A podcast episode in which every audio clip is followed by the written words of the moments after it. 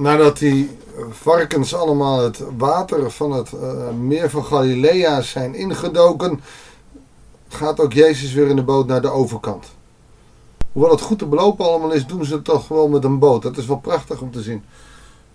En als hij dan weer aan land gaat, dan is er meteen weer drukte. Een grote menigte was er weer uh, op de been en hij, uh, die spreken hem aan, die willen wat van hem. Die willen verhalen horen, die willen genezingen zien. Die willen ontdekken wie die rabbi Joshua nou eigenlijk is. Meestal ligt hij ook meestal in een dikke vette discussie met de leiders van de synagogen.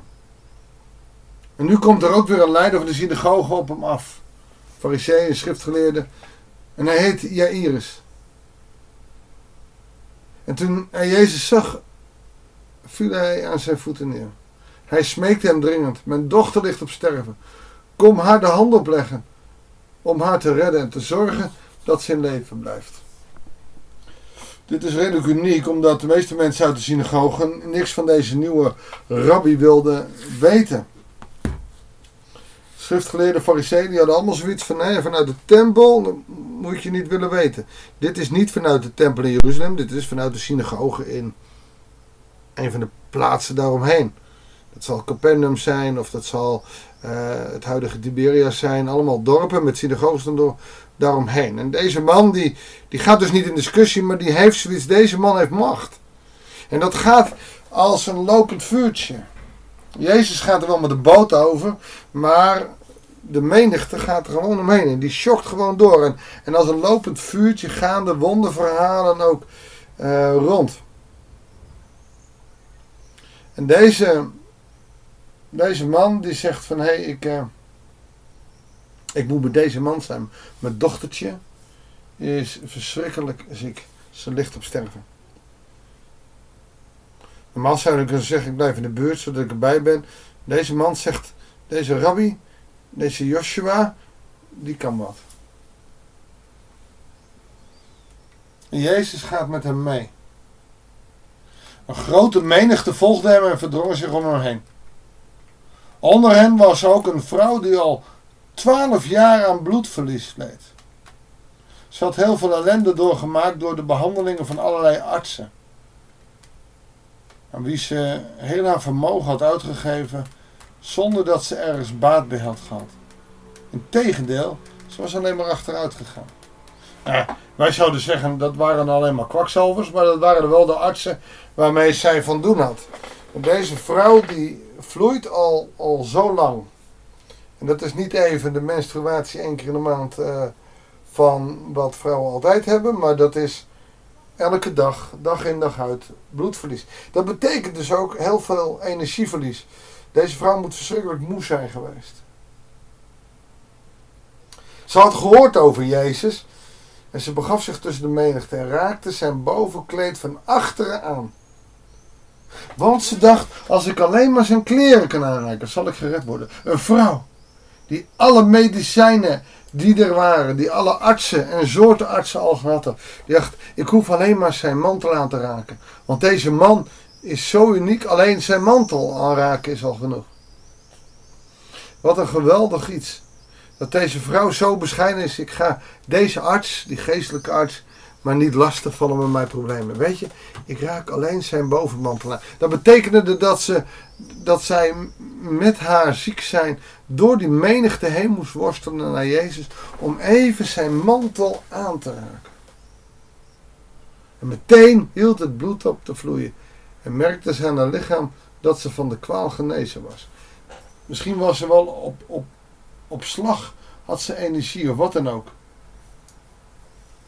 hetzelfde ogenblik werd Jezus zich ervan bewust dat er kracht uit hem was weggestraald. En midden in de menigte draaide ze om en zei: Wie heeft mijn kleren aangeraakt? Zijn leerlingen zeiden tegen hem: U ziet toch dat de menigte om u heen zich verdrinkt? En dan vraagt u: Wie heeft me aangeraakt? Ja, Jezus, doe even normaal, doe even rust. Iedereen drinkt en dat is nou eenmaal zo. Dan, dan moet u maar niet populair zijn. dat is net zoiets als als een bekende Nederlander niet op straat kan lopen En uh, ze, oh, ze zitten allemaal een selfie met, met te maken of ze zitten. Weet je, Jezus toe, u bent populair. Maar hij keek om zich heen. Dus hij trekt zich niks aan van de discipelen. Kijk wie het gedaan hebben. De vrouw die bang was geworden, stond te trillen omdat ze wist wat er met haar gebeurd was. Kwam naar hem toe en viel voor hem neer en vertelde hem het hele waarheid. Toen zei hij tegen haar: Uw geloof heeft u gered. Ga in vrede en wees genezen van uw kwaal. Die vrouw staat te trillen. Ze denkt dat deze rabbi dan wel heel streng zal zijn. En, en haar op haar kop gaat geven. Want ja, zij heeft ongeoorloofd aan zijn jas gezeten. Maar niets is minder waar. En Jezus vindt het ook helemaal niet erg dat ze dat gedaan heeft. Ik moet een beetje, ja, gekscherend denken aan de AVG-regels die we hebben op dit moment in Nederland. De nieuwe privacywet. Op zich natuurlijk helemaal niks op tegen. Want er wordt natuurlijk eh, via social media een hoop ellende is er, wordt gedaan met, met, met schending van de privacy. Maar, maar Jezus maakt zich er helemaal niet druk om. Die vrouw denkt dat wel. Oeh, oeh, oeh, ik heb zijn mantel aangeraakt. Wat zal hij zeggen? Deze vrouw is bescheiden. Is misschien ook wel kapot gemaakt door, door alle artsen die haar alle hoop ontnomen hebben omdat ja, zij haar niet konden genezen. En de laatste strohalm die ze heeft, is niet aan Jezus vragen: Wilt u mij genezen? Maar is het grote geloof: Als ik alleen zijn jas maar aanraak.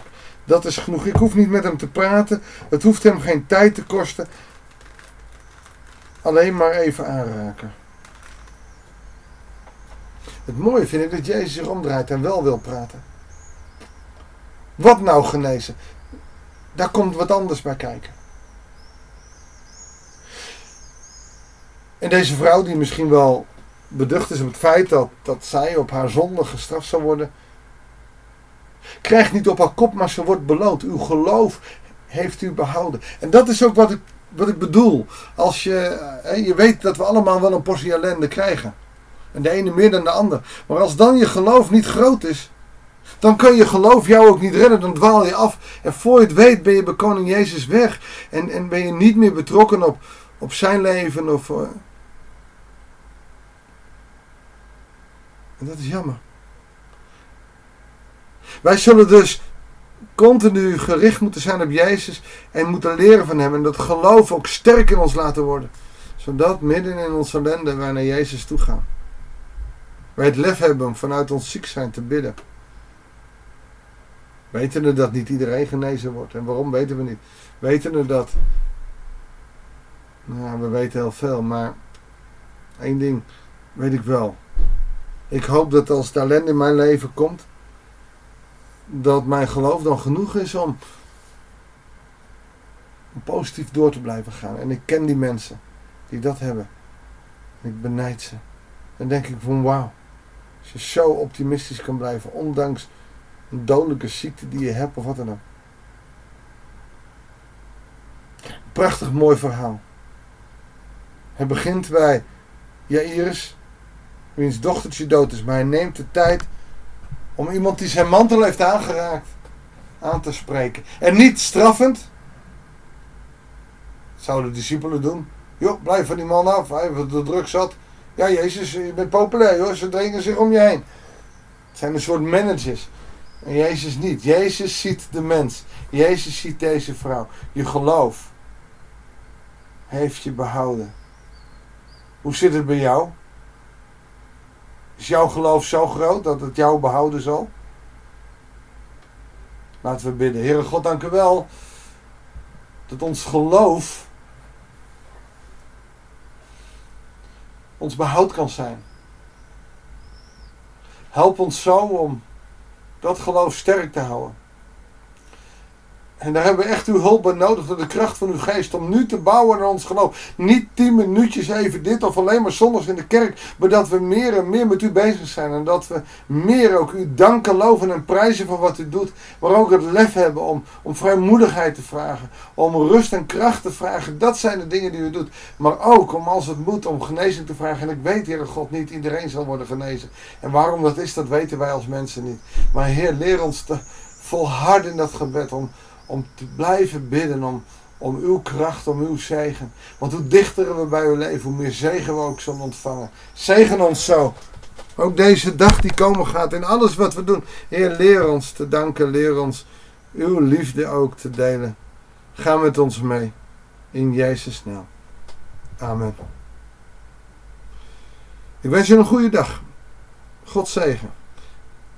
En graag tot ziens bij een nieuwe uitzending van het.